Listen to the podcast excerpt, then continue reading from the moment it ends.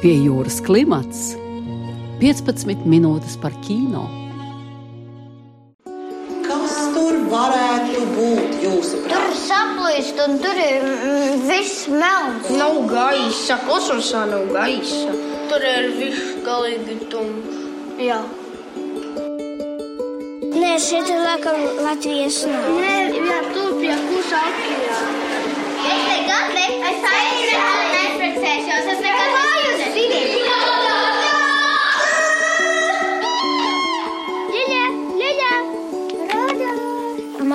mammas krusmāte zina, ka te bija vienradži. Visu, ko savā dzīvē esmu filmējis, bet filmu par bērniem veidoju pirmo reizi.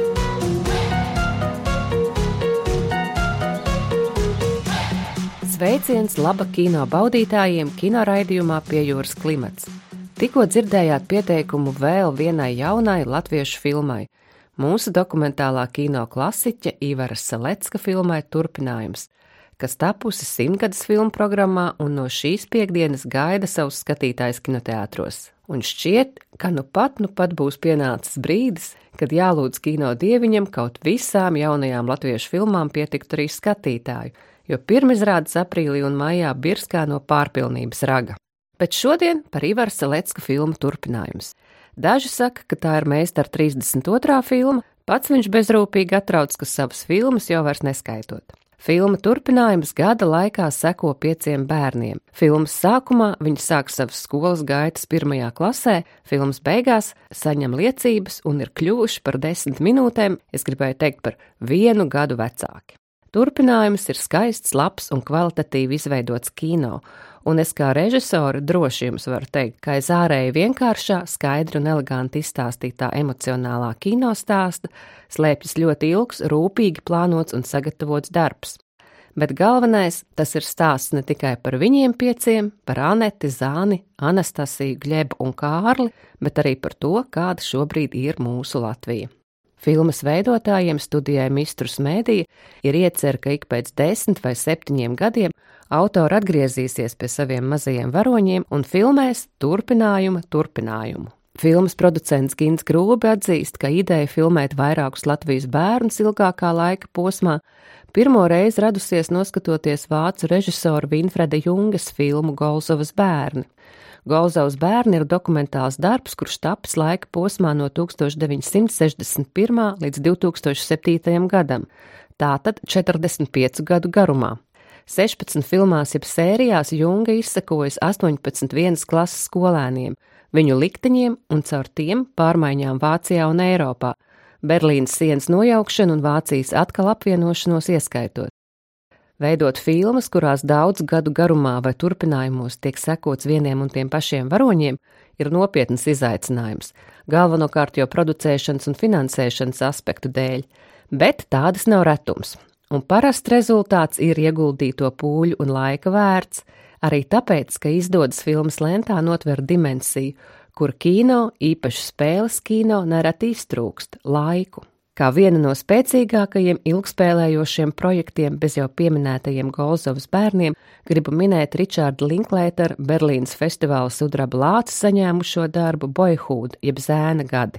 Neparasti, ka tā ir spēle filma, kur tika filmēta 12 gadus, un filmas galvenais varonis skatītāju acu priekšā vārda tiešā nozīmē filmas laikā izaug no zēna par jaunekli, bet viņa vecāki, kurus spēlē Patricija Arketa un Ītens Hauks, tieši tāpat mūsu acu priekšā noveco.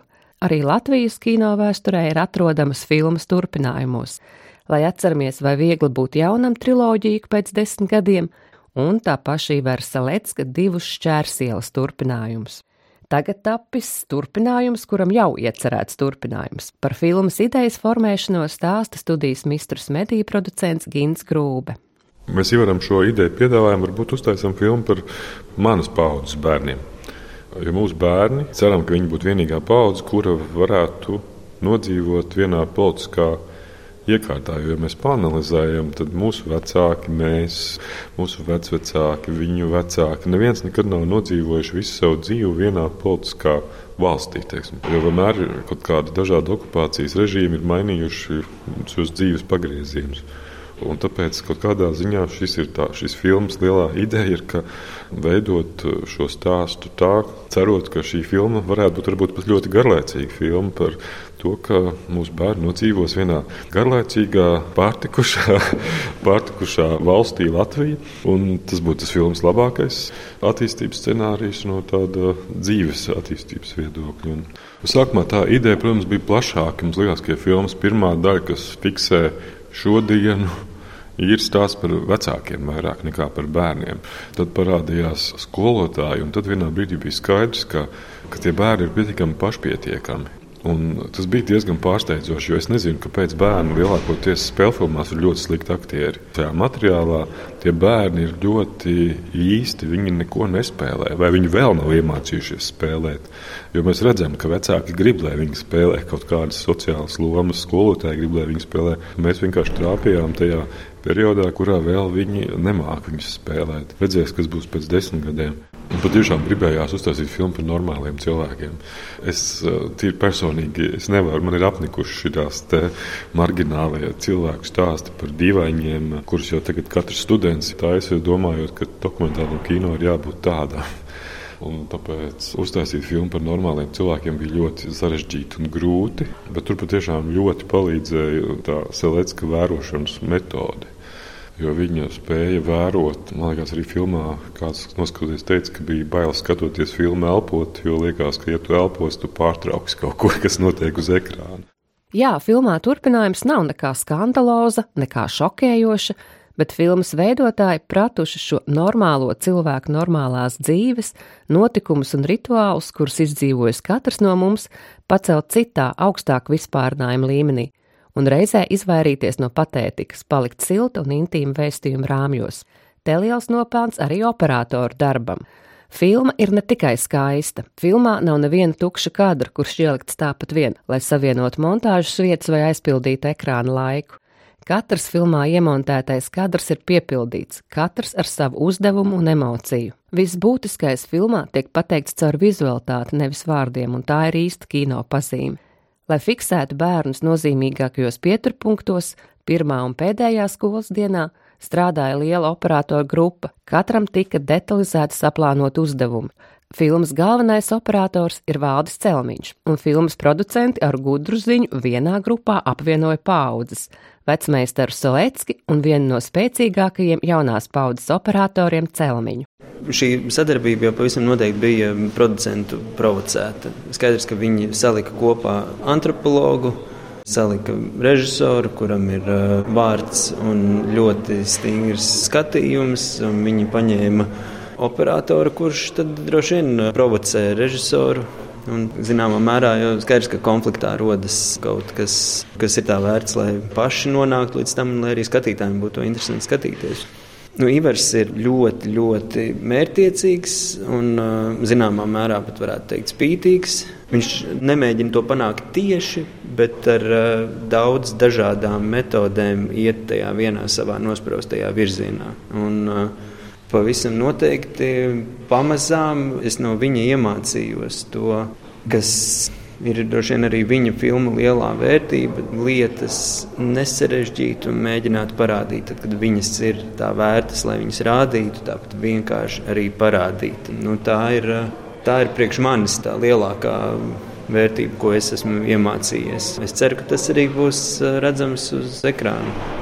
Bet runājot par to emocionalitāti, es esmu jā, ļoti vienkāršs dzīvnieks, kā man ir iebaro emociju, tā es uzreiz arī reaģēju uz viņu. Un, uh, filmējot, es ļoti, ļoti esmu iekšā notikumā, un tad, kad es esmu viņā tā pa īstam iekšā, tad arī man liekas, ka ir uh, visforšāk viņu ir nofilmēt. Tu tik ļoti esi nokoncentrējies uz to emociju, kas tur ir, ka tu arī mēģini saprast, vai viņi ir kadrā vai nav. Un, un bieži vien tu paglaidi kaut ko, kas notiek otrajā plānā, tāpēc, ka tik ļoti esi nokoncentrējies uz to, ko tu vēro pirmajā.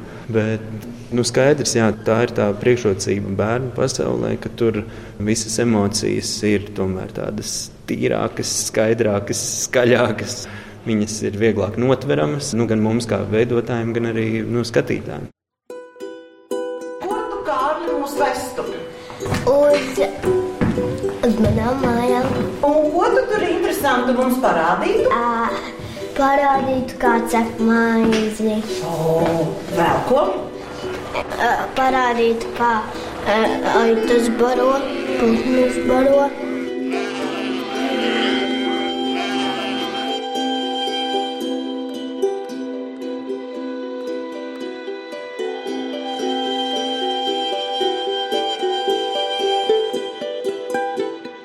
Ļoti interesants ir arī stāsts, kā tika atlasīta filmas Pieci varoņi. To meklēšana sākās jau 2015. gada pavasarī.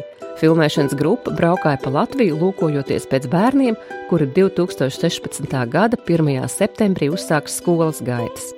Varoņu atlasē tika piesaistīta arī sociāla antropoloģija Dāca Zanauska, jo ar bērnu starpniecību vajadzēja aptvert visu Latvijas dažādo spektru.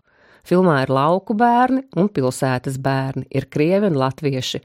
Viņi ir no dažādiem reģioniem, no dažādām ģimenēm, arī tādām, kur vecāki strādā ārzemēs. Diskusijas par filmas varoņu atlases kritērijiem bijušas ļoti sparīgas, un ne visi bērni, kuri filmēti, ir arī filmas gala versijā. Par bērnu meklēšanas procesu stāsta filmas producente Antra Gaila. Bija svarīgi iezīmēt telpu, nošķīrumu starp pilsētu, laukiem, reģionālās mazpilsētas. Bija svarīgi iezīmēt bērnu izpratni par to, kur viņi dzīvo, kas viņiem ir Latvija. Daži pazina savu ciemu, savu pilsētiņu mazo, kurā viņi dzīvoja.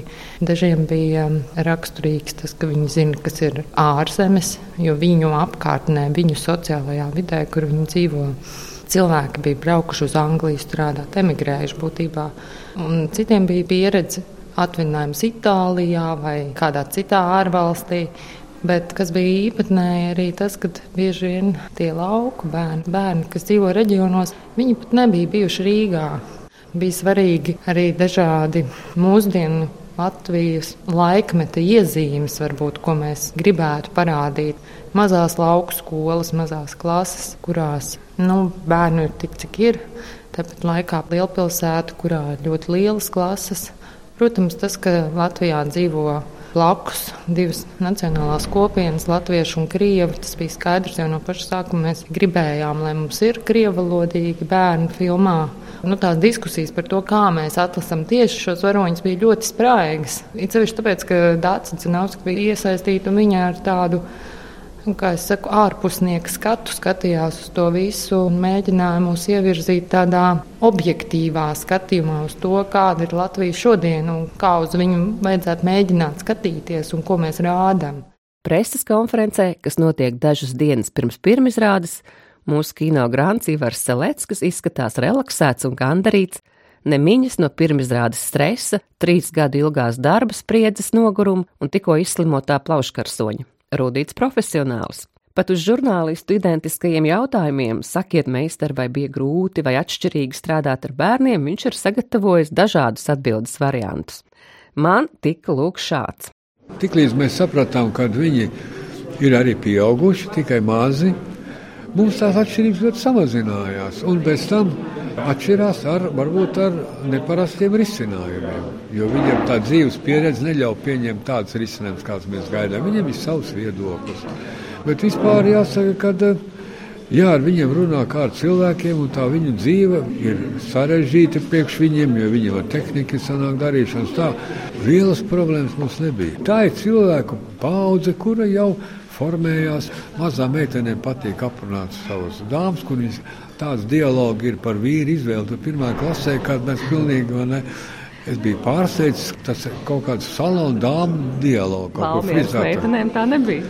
Kur vēl mēs meitenes pie tā netika? Varbūt mēs, varbūt mēs pie viņām netikām. Bet katrā gadījumā šis bija liels pārsteigums. Tā kā pilnvērtīga sabiedrība tikai mazīja.